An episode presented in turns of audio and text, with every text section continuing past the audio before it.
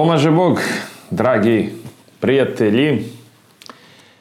Evo nas, e, novi podcast, nedelju dana nismo snimali jer prosto pratili smo kompletnu e, geopolitičku situaciju, e, naravno sve povezano i sa našim izborima. Sagledavali smo, sublimirali sve ono što se zbiva i eto, nedelju dana nas nije bilo jer nije nam cilj da snimamo podcaste da bi e, pravili neku multiprodukciju e, svega i svačega, već nam je cilj da kada se nešto objavi da se to i gleda. Odnosno da se to prepričava i nama je drago, moram da izrazim jedno veliko zadovoljstvo što a, iako naš podcast nema neki preveliki broj pregleda, a, on je dosta uticajan, jer oni ljudi koji ga gledaju su ozbiljan svet. I drago mi da su oni jave, da oni pišu i da komentarišu. I ja vas pozivam da tako ostanemo i dalje u tom nekom svetlu, zato što nije poenta koliko vas ljudi gleda, nego ko vas gleda. Naravno, ja nisam pristalica uh, do krajnjih granica tog elitističkog, uh, elitističkog pristupa a, soja ne broj i slične stvari, što je inače ovde nekako koristila ta a, ekipa a, oko Dimitrija Ljotića pre drugog svetskog rata i pozivajući se na određene nacističke stavove, međutim, moram da kažem da jeste važno ko vas zaista gleda, jer nije poenta da svako baš sebi daje za pravo da tumači ozbiljne stvari.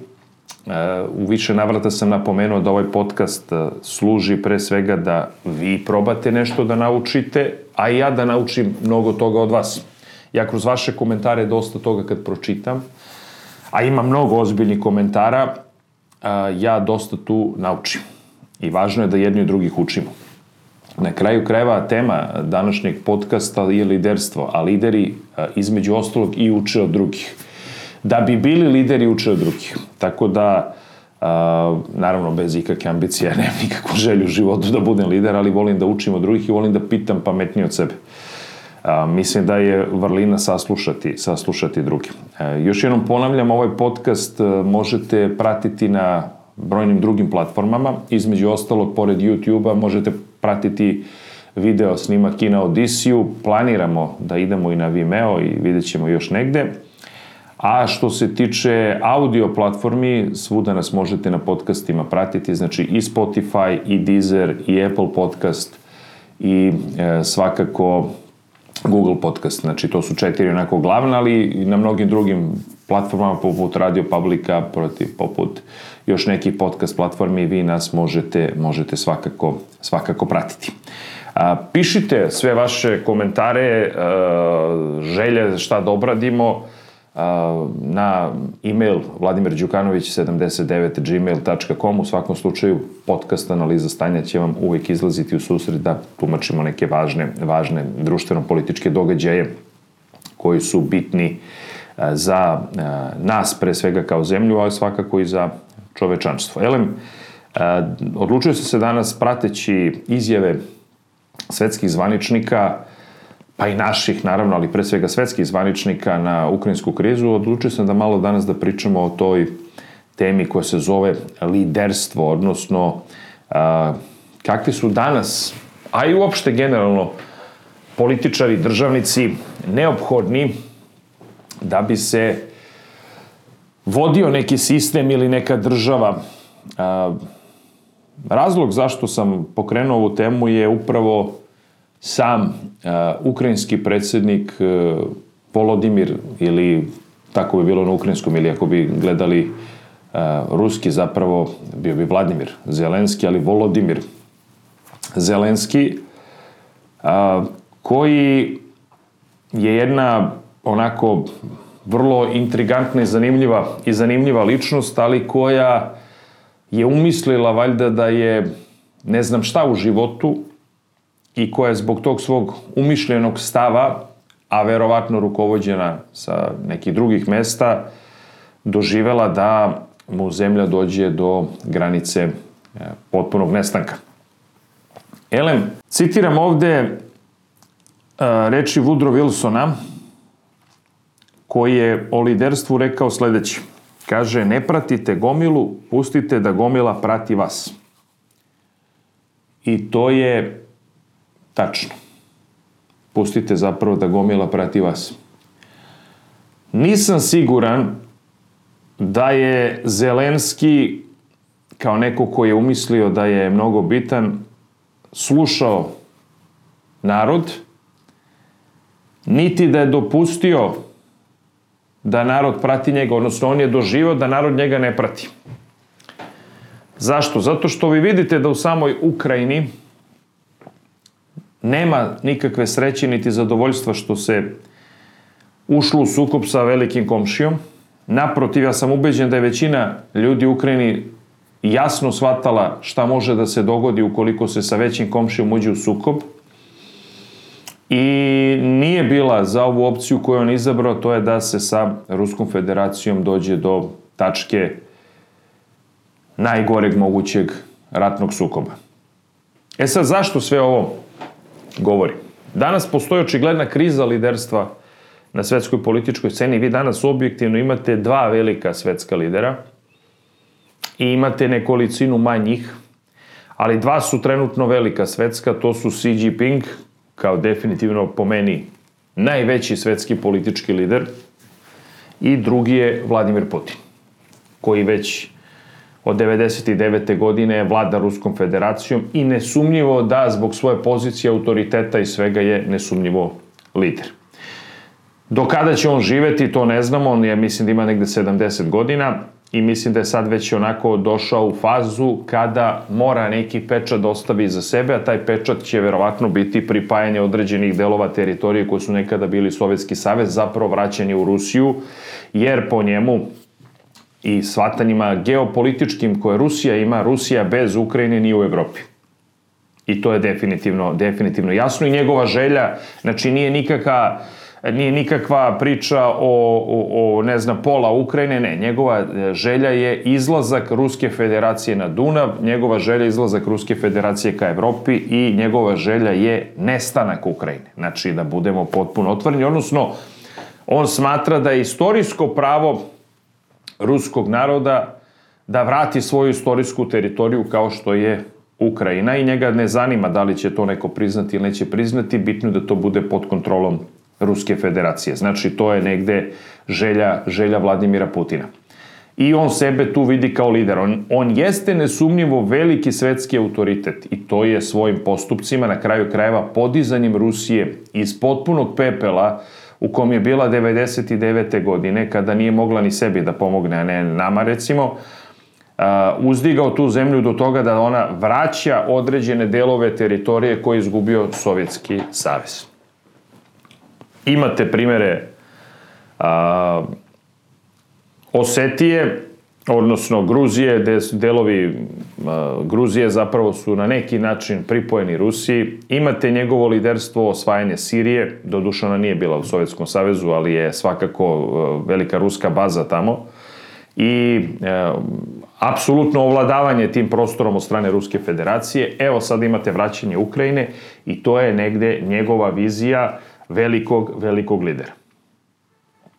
Putin nije mnogo mario za to šta misli Gomila, nego je on natero na neki način Gomilu da misli onako kako on misli. Vi danas imate po svim istraživanjima nesumnjivu podršku ruskog naroda akciji u Ukrajini. U početku je to bio šok, apsolutni šok, zašto se sve to zbiva, a onda je objašnjeno narodu putem medija da je to istorijsko pravo ruskog naroda, da je sve ono naravno kako to inače se oblikuje javnost, on je to uspeo da, da učini, jer njegova vizija jeste upravo u tome da vrati Rusiji ono što smatra da istorijski njem, njoj pripada. I on je to objasnio narodu. Danas imate po svim istraživanjima u Rusiji 70 i, po, 70 i kusur posto Rusa koji potpuno podržavaju akciju Ruske federacije Ukrajini. E sad, Naravno, To je kada gledate s aspekta lidera koji planira nekakvo određena teritorijalna proširenja. Ali suštinski vi kad e, sagledavate šta radi jedan veliki svetski lider, on se i trudi da proširi uticaj svoje države na neke druge, na neke druge države. Da li će on to raditi ekonomski? Da li će on to raditi a, politički, kako god, ili će na kraju direktnom silom, pa tako što će zauzeti tamo neke teritorije, to je sad već nešto deseto. Ali jedan veliki lider svojim autoritetom i uticajem pre svega širi uticaj druge, druge države. Na, na, na druge države. To radi i Xi Jinping, nemojte da imate nikakvu dilemu, kineski uticaj u svetu je izuzetno porasto od kada je on lider. Kina je apsolutni, nesumnjivi lider u ekonomiji, globalni lider. Njene firme osvajaju svuda čitavo čovečanstvo i jako im je teško odgovoriti i on je izabro metod ekonomskog uticaja na čitavo čovečanstvo, ali je jasno kao dan da je on lider od neverovatne, neverovatne ovaj, energije i lider koji definitivno ume da Kinu izuzetno lepo i dobro predstavi kroz ekonomiju u čitavom, čitavom svetu.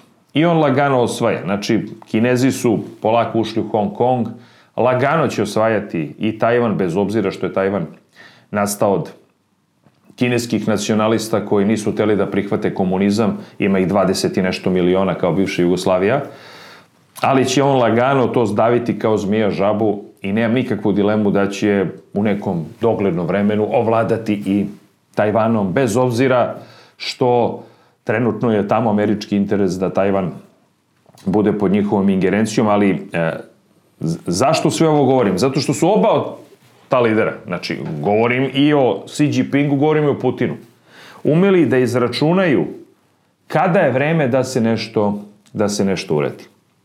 Činjenica je da danas kada vi e, gledate Putina i, i, i razmišljate, čekaj, da li ovaj normalan uništit će ekonomiju svoje zemlje. On je računao na to da će ekonomija njegove zemlje doživeti ozbiljne posledice, zato što će se a, na ekonomiju njegove zemlje odraziti ove stravične sankcije koje idu prema Ruskoj federaciji. Međutim, on je računao i na drugi aspekt, a to je ja imam čime recimo da ucenim Evropu. Putin čini mi se da izuzetno sagledava da on nije velika ekonomska sila. On je izuzetno uh, on je, on je vele sila vo, u vojnom aspektu u vojnom um, pogledu.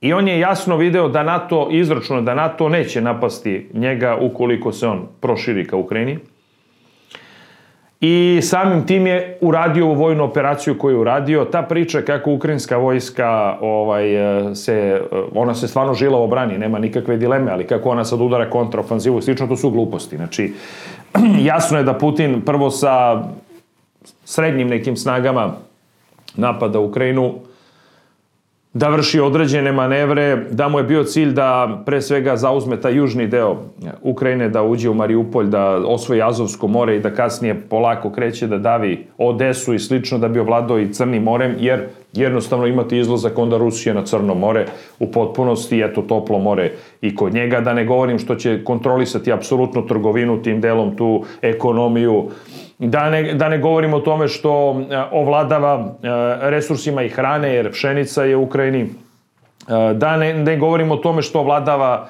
rudama, rudnim bogatstvima i slično. Znači, njegov je cilj bio generalno to da uradi i S druge strane, ako mi već vi uvodite sankcije, sad ćete da vidite da e, dosta zavisite od mene, ne dam vam energente ili stavljam vam u izgled posebno Evropskoj uniji, pa evo hoćete da se smrzavate, hoćete da vam ne radi ekonomija. I on je izračuno tačno da Evropska unija nema lidere, nema adekvatnog lidera koji može da mu se suprotstavi u tom političkom nadmetanju. Zapravo shvatio je slabost Evropske unije. On je, njemu je jasno da je Amerika snažna, ali nije Amerika blesava da ratuje sa njim, niti da podiže avione i da, i da ga bombarduje. I on je to jasno izračuno. Ja ću ove da ucenim i ovi će od mene da zavise.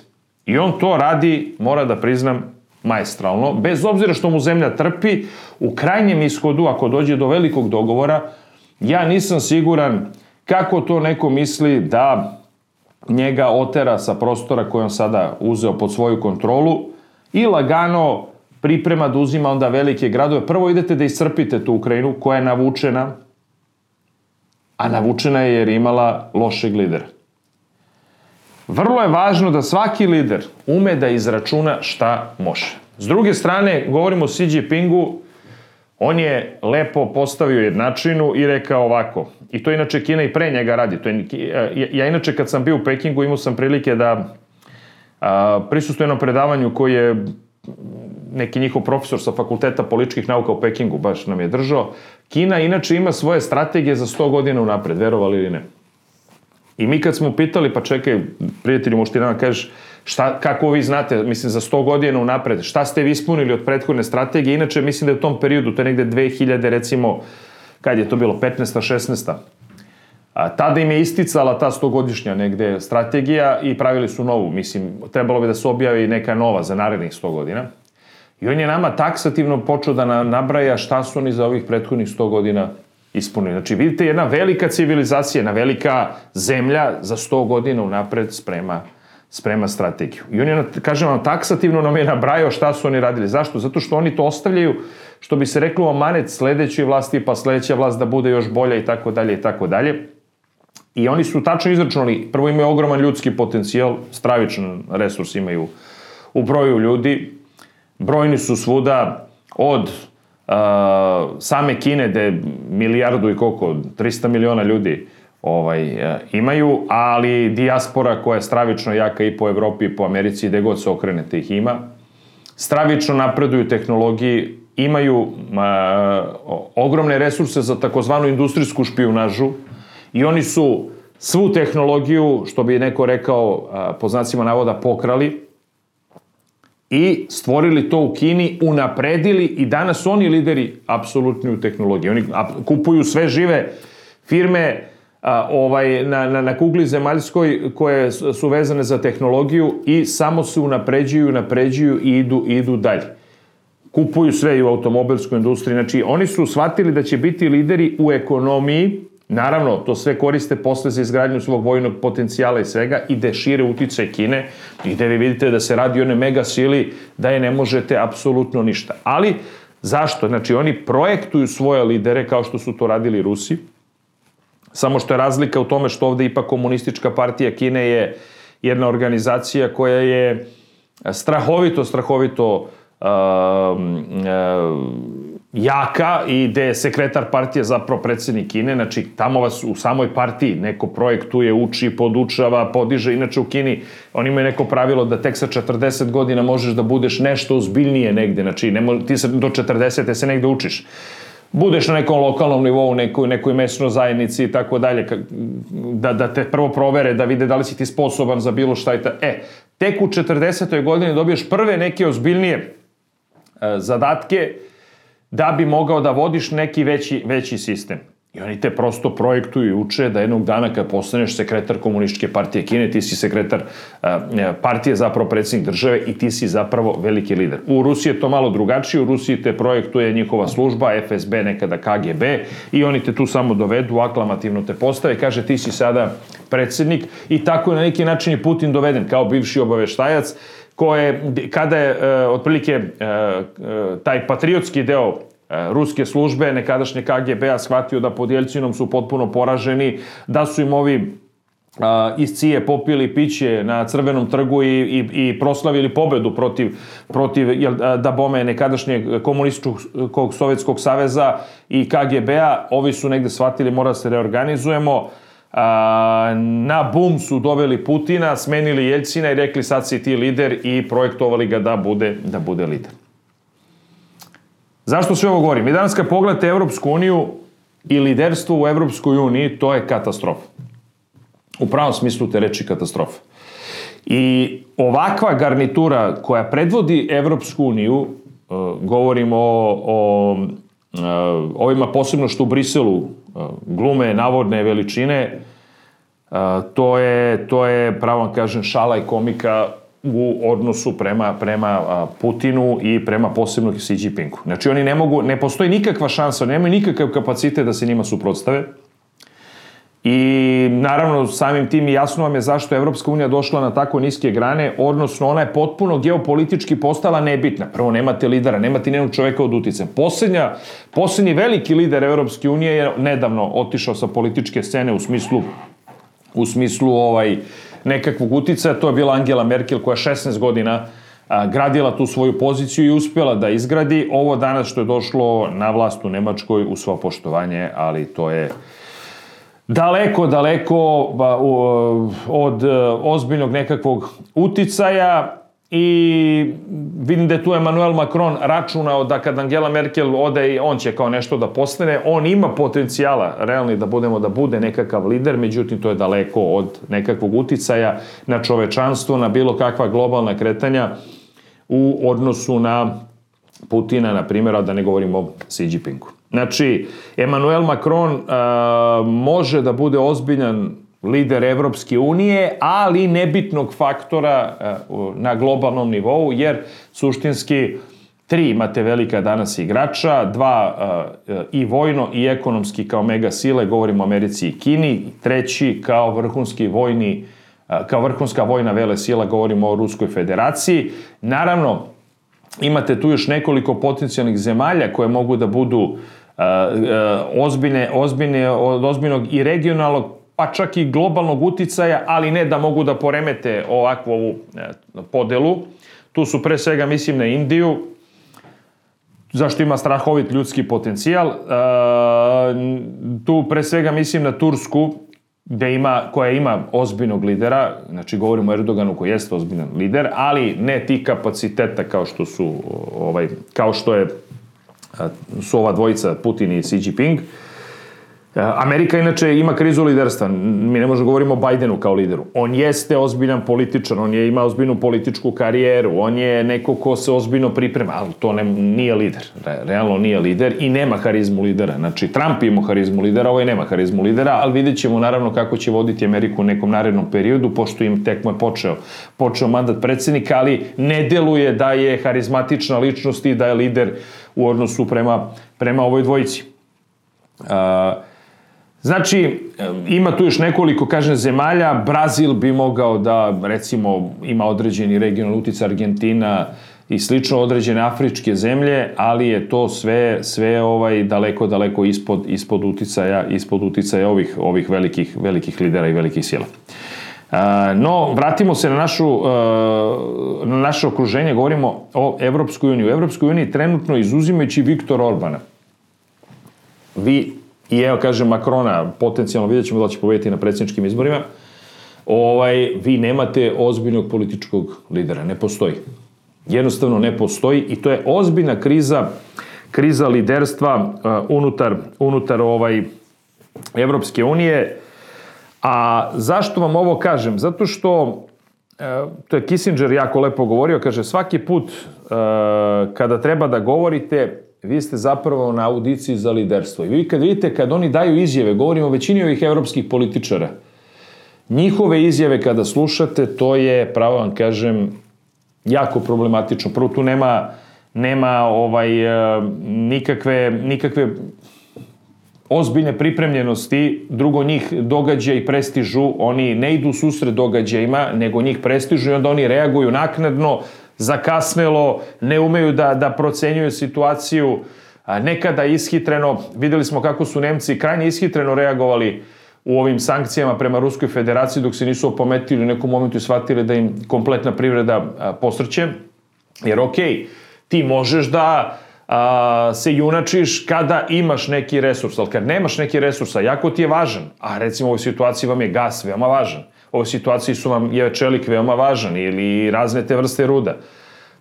Kad nemate sirovinu za vašu industriju, pa vama industrija propada, onda nemaš pravo da kažeš, e sad ću ja tebi, Vladimire Putine, da dam sankciju, kaže, pa daj sankcije, evo ja ti vratim ovako i sad ti privreda ti potpuno posrće. Dakle, vrlo je važno ako si lider da umeš da izračunaš tvoju poziciju, da vidiš dokle možeš da ideš, i da to što si izračuno i da ideš napred, da to zaista ostvariš kao rezultat, jer svaki pozitivan rezultat koji si ostvario pre svega za svoju državu i uticaj koji si proširio čini te liderom. To te čini liderom. Evropska unija danas ima potpunu krizu liderstva, jer smo mi ovde godinama, decenijama slušali e, besmislice o potrebi e, demokratije, slabih lidera, o tome, o ljudskim pravima, o ne znam čemu. Danas smo došli u tu situaciju da je upravo jednoj takvoj Evropskoj uniji, pa i svakoj državi Evropskoj uniji potreban jak lider. Lider koji ume da sagledava geopolitičku situaciju gde mu se nalazi država ili Evropska unija kao institucija, to mi danas nemamo. Vi ste imali decenijama unazad jednu, jednu plejadu e, besmislenih činovnika po Evropskoj uniji koji sede tamo po Brisilu, koji troše pare poreskih obveznika Evropske unije i koji apsolutno ni, po ničemu nisu ostali upamćeni a, jedna gomila šarlatana, jedna gomila, gomila pajaca, e, kako bi moj uvaženi kolega Dejan Anđus rekao, jedna gomila a, potpuno nebitnih likova, koja ništa nije doprinela da Evropska unija se osnaži. I plod toga je danas potpuna, potpuno odsustvo bilo kakve bitnosti Evropske unije kao faktora na geopolitičkom planu. Znači, lider koji je bila ozbiljna, ona nije bila lider Evropske unije u tom smislu da se ona pitala e, u Briselu kao predsednik neke, neke te e, institucije koja se zove Evropska unija, nego je bila lider Nemačke kao najistaknutije zemlje u Evropskoj uniji, to je bila Angela Merkel.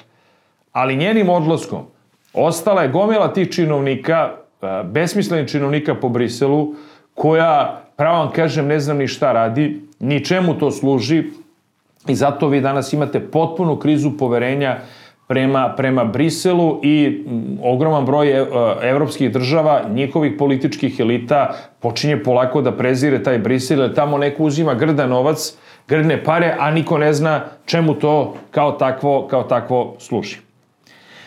Vraćam se na Zelenskog. Zelenski je a, pre svega po svojoj profesiji komičar. Znači, on je neko ko imao nekakvu produkciju, bavio se komikom, bavio se kom, komedijom, znači, ajde, bavio se lakardijašenjem i sprdnjom. Kao takav je postao jako popularan i došao jednu besmislenu poziciju da pobedi na predsjedničkim izborima. E sada vidite šta vam se dogodi kada lakardijaš preuzme da vodi državu. Doživite ovo što doživite. Imali smo i situaciju sličnu u Italiji, do duše nije se dogodilo da pokret pet zvezdica preuzme državu, ali su preuzeli neke, što bi kod nas reklo, lokalne samuprave. Pa je Beppe Grillo sa svojim pokretom pet zvezdica dobio gradonačelnika Rima. Naravno da su odmah posle prve prvog mandata izgubili jer su doveli grad do, do posrnuća. Znači, jedno je kada se ti sprdaš, praviš komiku na račun a, političke elite, na račun određenih političkih odluka, to je jedna stvar, a to služi za šire narodne mase da se sprdaš. Sasvim je drugo kada ti dobiješ u ruke da vodiš državu, a nisi nikada za to bio ni pripreman, niti školovan, niti te, niti te i to ikada interesovalo, ti si se uglavnom interesovao da se sprdaš sa zemljom i onda doživiš to što doživiš. Elem, Zelenski je, ako je već želeo sukob sa Rusijom, trebalo da izračuna da li mu se to isplati ili mu se ne isplati. Odnosno, morao je da zna da li će mu saveznici koji ga guraju taj sukob mu pružiti određenu logistiku. A logistika adekvatna bi bila recimo što on traži da se zatvori nebo nad Ukrajinom, da NATO pakt uleti sa vojskom da pomogne Ukrajini i slično. Njemu apsolutno niko ništa ne pomaže, niti mu zatvaraju to nebo, čak kažu pa mi kad bismo to uradili počeo bi treći svetski rat pa su oni to bože brinu za sebe i slično da.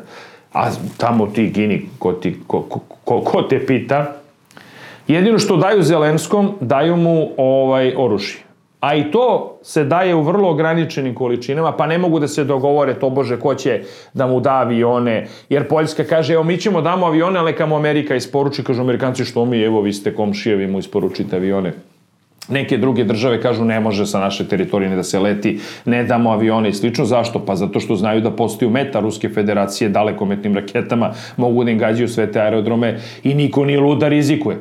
I onda su njega takvog šarlatana navukli da, da ovaj, uđe u taj sukob i evo, e, plod tog sukoba je da mu je e, zemlja sva nalupana, da ima milionske izbjeglice, da verovatno e, dolazi u fazu da možda potpiše kapitulaciju, pomoći nema ni od kuda, sem oružju, a oružje se daje da bi se svakako prodavalo, da neka vojna industrija trlja ruke, a tamo ljudi da mu da mu ginu. Znači, zemlja potpuno devastirana.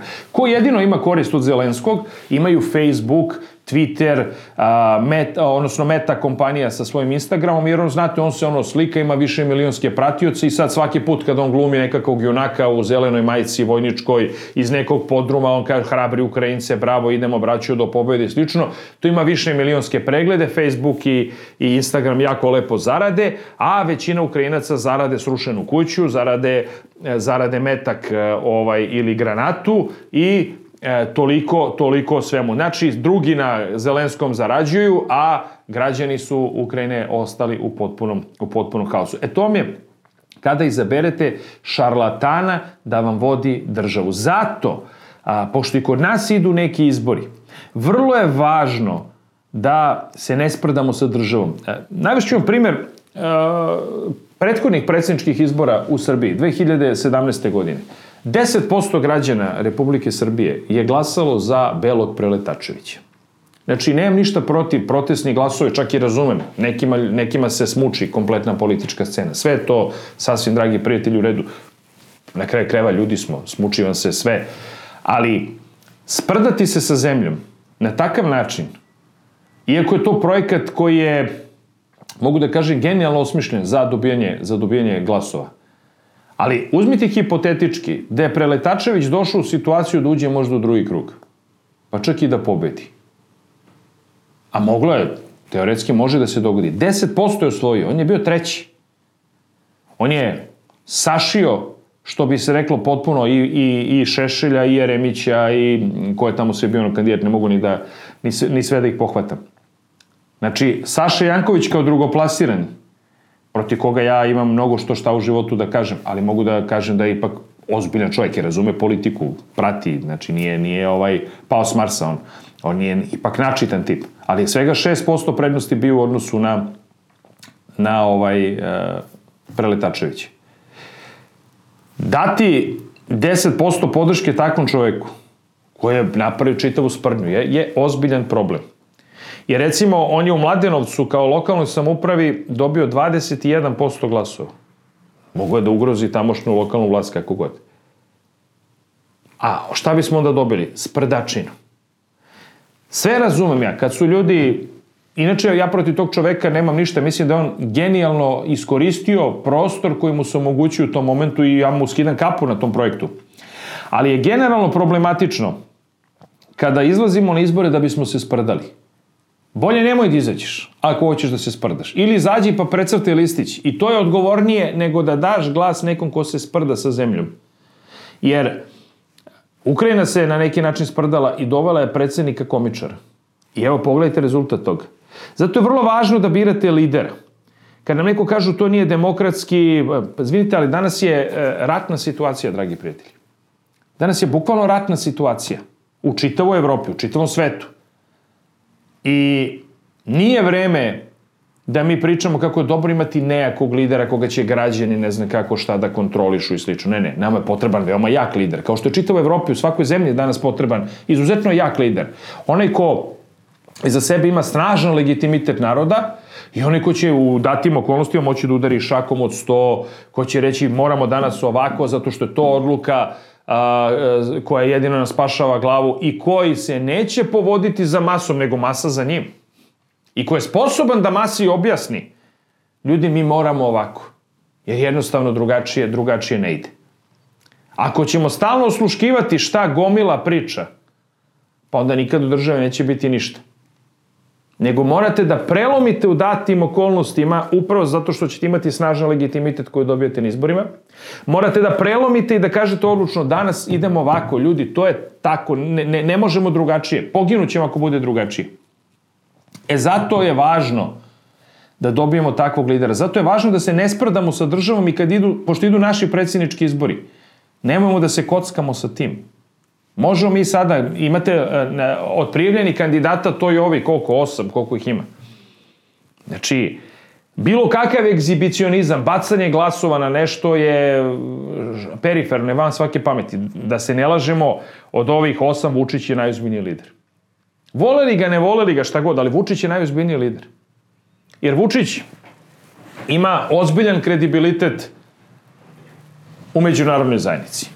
Znači, njega uvažava i Putin. Na ličnom nivou sa Putinom se dogovara i oko cene gasa i oko svega. A vrlo je važno danas imati odlične odnose sa Ruskom federacijom upravo zbog gasa i nafte. I upravo zbog činjenice da NATO pak neće napasti Rusku federaciju, oko Ukrajine neće napasti, vidjet ćemo šta će se dešavati dalje, ali oko Ukrajine neće napasti, evo sad vam kažem. I mirne duše će posmatrati ovladavanje Ukrajine, Ukrajinom od strane Rusije, neće se mešati, neće izazivati treći svetski rat, što je Putin jako dobro izračunao. A, vrlo je važno imati vrhunske odnose sa Kinom, što, ja ću vas podsjetiti, Xi Jinping kao a, lider Kine, redko kad ide u ove velike zemlje u posetu, a ne male, a nama je došao u posetu, bio ovde. Možete zamislite s kojim uvažavanjem on gleda na Vučića, upravo je to time pokazao kada je došao, kada je došao ovde. Nema evropskog lidera koji se nije sa, susreo s Vučićem i koji ne zove Vučića upravo zbog njegove bliskosti čak i sa Putinom, da ga pita za mišljenje šta vi mislite šta će sledeće da uradi slično. Da ne govorimo o američkoj administraciji, ranije odnosi sa Bajdenom koji su postojali između Vučića i Bajdena pre nego što je postao predsednik, ali i prethodni predsednik, govorimo o Trumpu, ga je primio. U Vašingtonu su imali susret. Znači, vrlo je važno da ima međunarodni kredibilitet što ima, što ni jedan do sada predsednik u Srbiji nije imao. Možemo da pričamo šta hoćemo, ali je to činjenica. Znači, uvek to tako se gleda. S druge strane, on jeste dovoljno osoba sa izraženim autoritetom u ovom narodu i čija se reč vrednuje, ceni, meri. A ono što je vrlo važno za svakog lidera, jer upravo ovo kod Kissingera, što on kaže, vi kada ste, uh, ovaj, uh, parafrazine, kada ste na imate priliku da govorite, vi ste već na audijenciji za lidera. Strašno morate da vodite računa šta pričate. I da se ujedete nekada za jezik, jer lider ne može sebi da dopusti baš sve da kaže. Ali lider svojim postupcima i delima čini da narod to razume. I da se ta masa ljudi prosto povodi za njim jer shvata da on radi ispravnu stvar. I to Vučić majestrano radi. Znači, ako je neko tehnolog vlasti, Ako je neko vrhunski tehnolog upravljanja sistemom, menadžerisanja državom, što bi se reklo, to je on. Ali to su godine i godine sticanja političkog iskustva, godine i godine poraza, ali svakog poraza učenje kako dalje da pobediš. Jednu veoma važnu stvar sam ja lično naučio kod njega, iz brojnih poraza koje smo trpeli dok smo bili još kao Srpska radikalna stranka, kada vam je malo nedostajalo, dlaka vam nedostaje da nešto uradite, da preuzmete, a izgubite, On nikada nije kukao kako je, smo pokradeni i kako smo ne znam šta, iako je bilo osnova. I krajnje nepravedne kampanje svega koje su odvijela prema, prema, prema nama tada, nikada nije to dozvoljavao, već naprotiv, uvek je imao jednu, jednu vrlo važnu uh, izraženu crtu, kaže, ajde idemo gde smo mi pogrešili, idemo dalje. I znao je da vas podigne, pazite, bilo je tu poraza koji su jako boleli i koji su zaista na neki način bili plod toga što je bila krajnje nepravedna kampanja i gde vi niste mogli da se suštinski suprostavite u određenim segmentima tadašnjoj vladajućoj dosovskoj garnituri, ali nikada nije kukao za tim, nego ajde da vidimo šta mi to možemo da uradimo i da nadoknadimo. I na kraju je, upravo zbog toga, uspeo da dođe na vlast i evo već koliko godina unazad to jako lepo rukovodi i kao što vidite, izuzetno, izuzetno vuče konce na, na pravi način jer je proučavao. Znači, jedan ozbiljan lider mora da čita, da osluškuje međunarodnu scenu, da, da, da prati izvešte, da konstantno gleda vesti, da, da živi 24 časa u onome što radi. Mi to danas kod ove opozicijone političke scene nemamo. Zato tu nema lidera. Zato što većina njih se povodi. Ja znam da će neko sad reći pa a, možda navijam. Ne, ne radi se o tome čak i da ne navijam Vi možete sami to da zaključite. Većina naših opozicijnih lidera se povodi za tim da dođe na vlast radi svog ličnog interesa. Ne povodi se za tim da dođe na vlast da bi se za zemlju nešto uradilo. Oni ne žive 24 časa politiku. Oni a, imaju sistem da žive od politike. Za razliku od Vučića koji je napravio upravo sebi takav sistem i onima koji ga okružuju, a vrlo važno da lider ima dobro okruženje, on živi za politiku. Znači, ključna razlika što ovi žive od politike, ovaj živi za politiku. I to je nešto što njih sahranjuje. Mora kažem, a, bit ću krajnje iskren, pratio sam malo ovu, ovu a, kampanju, malo više, a, tu ima određenih, a, e, ajde da kažemo, pokušaja nekih e, osoba da, da, da budu ozbiljne, s tim što naravno to je dalje na, na niskom nivou. Recimo, ja ne mogu da kažem ništa a, protiv ove, kako se zove, a, Milice Đurđević, u smislu, naravno, ne slažem se s onim što ona priča u mnogo čemu i polemika bi bila a, politička, ali ona vodi računa šta govori i kako izloži, kako nastupa. I vi vidite da ona živi za tu politiku. I ona negde će moći kroz svoju političku karijeru da nešto napravi. Mora mnogo još toga da popravi, definitivno, jer, znate, e, to je uvek greška oni koji možda žele tek da pređu cenzus. Onda možete da izjavljujete svašta. Madonna, mora priznam, u poslednje vreme je to dosta popravilo. Znači, ne izjavljuje baš svašta, ali mora da se dubinski, ovaj, kako bih vam rekao, da dubinski uđete u, u suštinu. Ne možete samo površno da pričate koje štarije i da, i da, ovaj, i da ovaj, na taj način po, pa, povlađujete biračkom telu. Znači, suština je da uđeš u dubinu. Ako pričaš o ekonomiji, da tačno znaš u svakom momentu svaku cifru, svaki procenat, koliko, koliko šta raste, kolika je zaposlenost, kolika je nezaposlenost. Prosto da živite sa tim, da svaki dan gledate podatke. Kažu, e, Vučić živi od istraživanja. Pa nije tačno, nego on tačno prati, brate mili, to, to, to jeste poenta ozbiljnog političara lidera. Pratiš u svakom momentu sve procente istraživanja, a, pratiš a, ekonomski rast. Ti, ako hoćeš time da se baviš, moraš 24 časa tome se posvetiš. I zato Vučić jeste lider Izrastao je na prostoru bivše Jugoslavije u lidera među svim ovim okolnim političarima. Bakir Izetbegović je možda duže na vlasti, ali Bakir Izetbegović nije izrastao lidera, jer se i dalje povodi za takozvanom čaršijskom politikom. Nije se izdigao iznad toga. O Hrvatskoj da ne pričam, to je kriza liderstva u potpunosti, to je potpuni haos. Znači, to, to zaista ne, ne, ne bi mogo ništa da kažem, Crna Gora i Makedonija nisu, ni, nisu, nisu predmet rasprave. Generalno je kriza liderstva u čitavoj Europskoj uniji, ali vrlo je važno, vrlo je važno lider kakav jeste i kako se ponaša. Zato kad Vučić izađe na, na konferenciju za štampu ili u televizijskoj emisiji, pa kad vam pokazuje ono na tabli, pa to vidite da on barata tim.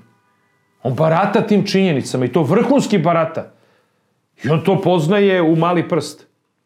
I zato je važno da imate ozbiljnog čoveka. Zato je nije, ne, nemojmo da se kockamo sa državom, nemojmo da se sprdamo s državom, nego vidite, sagledavate onoga ko se time bavi 24 časa. Da li ga volili, ne volili? To je, to je potpuno nebitno.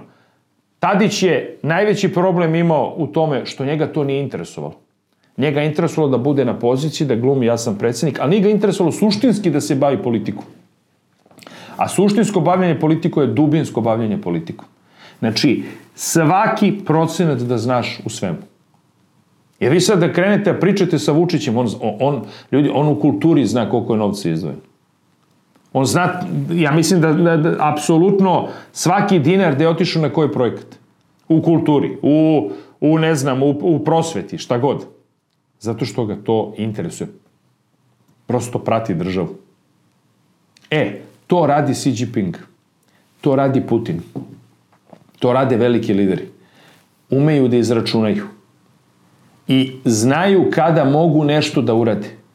I zato nemojmo da dozvolimo da nekog Zelenskog dobijemo ikada ovde, jer kad bismo dobili Zelenskog, dobili bismo i uništenu državu. Po znacima navoda Zelenskog. Znači, dobijamo lidera koji zna koliko može da se prostri, koji zna gde može da svoju zemlju sa snagama koje ima da prosto proturi. I to je, to je ozbiljna, ozbiljna politika. Zato Evropska unija danas nema ozbiljnu politiku. Zato zemlje Evropske unije danas su u strašnoj krizi. Zato što nisu izračunule da im se sukob sa Ruskom federacijom ni malo ne isplati. Taj sukob može da se isplati Americi, koja će Evropi prodavati gas i zarađivati grdne pare od toga. Taj sukob može da se isplati, dodatno isplati Americi jer će prodavati ovde oružje. Ali Evropskoj uniji, taj sukob sa Rusijom se apsolutno nikako ne isplati. Jer će suština, srž ekonomije Nemačke da stane kao što je automobilska industrija, čeličane su im stale, gubit će se radna mesta, a izvinite, u krizi liderstva i kad nemate jakog lidera, kao što je bila Angela Merkel, samo možete da doživite dalji fijasko i haos. Jer nezadovoljstvo naroda, nesposobni, slabi lideri ne mogu da zaustave. Ne umeju da upravljaju takvom krizom. Otuda pamet u glavu, kod nas idu izbori i strašno vodite računa o tome. A razmišljajte o ome da to glubatanje o demokratiji, o ne znam čemu, to nigde sreću na takav način nije donelo. Demokratija nije da imate slabog lidera, niti slabu političku garnituru na vlasti, govorimo o vladi. Demokratija je ono što narod glasa. A ja iskreno mislim da u ovoj situaciji sada koja je ratna, bukvalno ratna, vrlo je važno da imate veoma jakog lidera, sa 70% podrške ako može, i veoma jaku vladu, kod nas konkretno u Skupštini, kad bi moglo da se posle izbora napravi koalicija sa jedno 200 poslanika podrške. Sve drugo je sve drugo je izazivanje krize u ovoj zemlji, izazivanje ozbiljnih političke destabilizacije i put u stramputicu. Bukvalno put u stramputicu. Nemojmo sada da se igramo države i demokratije, nego demokratski izaberimo jakog lidera i jaku vladu, zato što je to potrebno Srbiji, a verujem da će evropski narodi to početi polako da uviđaju, pa će birati jake političke ličnosti da ih predvode. Vreme lidera, jakih lidera dolazi, a vreme nestabilnih vlada i demokratija, Bogu hvala, nadam se, zauvek da odlazi. Svako dobro od gospoda, pišite i dajte vaše, vaše komentare, a Podcast analiza stanja će nastaviti dalje da komentariše sa vama sve aktualne političke događaje. Svako dobro, gospodine.